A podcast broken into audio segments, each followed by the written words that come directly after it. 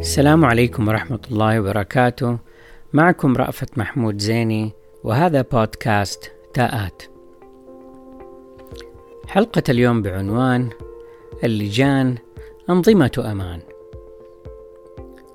رغم النظرة السائدة عن اللجان بأنها بطيئة الحركة ضعيفة الإنتاجية وقد لا تؤدي لأي نتائج ذات قيمة تحولية إلا أنها إحدى أهم أدوات الحوكمة المؤسسية باختلاف طبيعة المنظمات التي تتشكل فيها. فنجدها في مجالس الإدارات والبرلمانات والجمعيات والجامعات التي تسود فيها بحكم طبيعة حوكمتها التشاركية.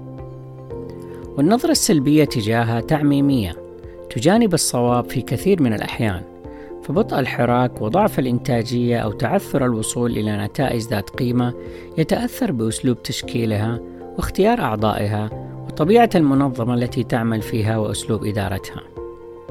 وإن كانت قراراتها أبطأ من القرار الفردي أو الجمعي المحدود بفئة معينة، إلا أن تشكيلها المتنوع إذا تجاوز ظاهرة تكرار تواجد أفراد بعينهم في معظم اللجان أي the usual suspects واللي يرادفها ما عندنا في البلد إلا هالولد يجعلها أداة فعالة تحسن جودة القرارات وذلك بالاستماع لوجهات النظر المختلفة وتمكين أفراد المنظمة من المشاركة في الخدمة العامة ودمج أطياف العاملين باختلاف خبراتهم وأعمارهم الوظيفية للعمل سويا مما يوطد في الغالب أواصر العلاقات ويثري الخبرات ويجهز القيادات ويبني رصيد الثقة المؤسسي في القرارات رغم المطبات.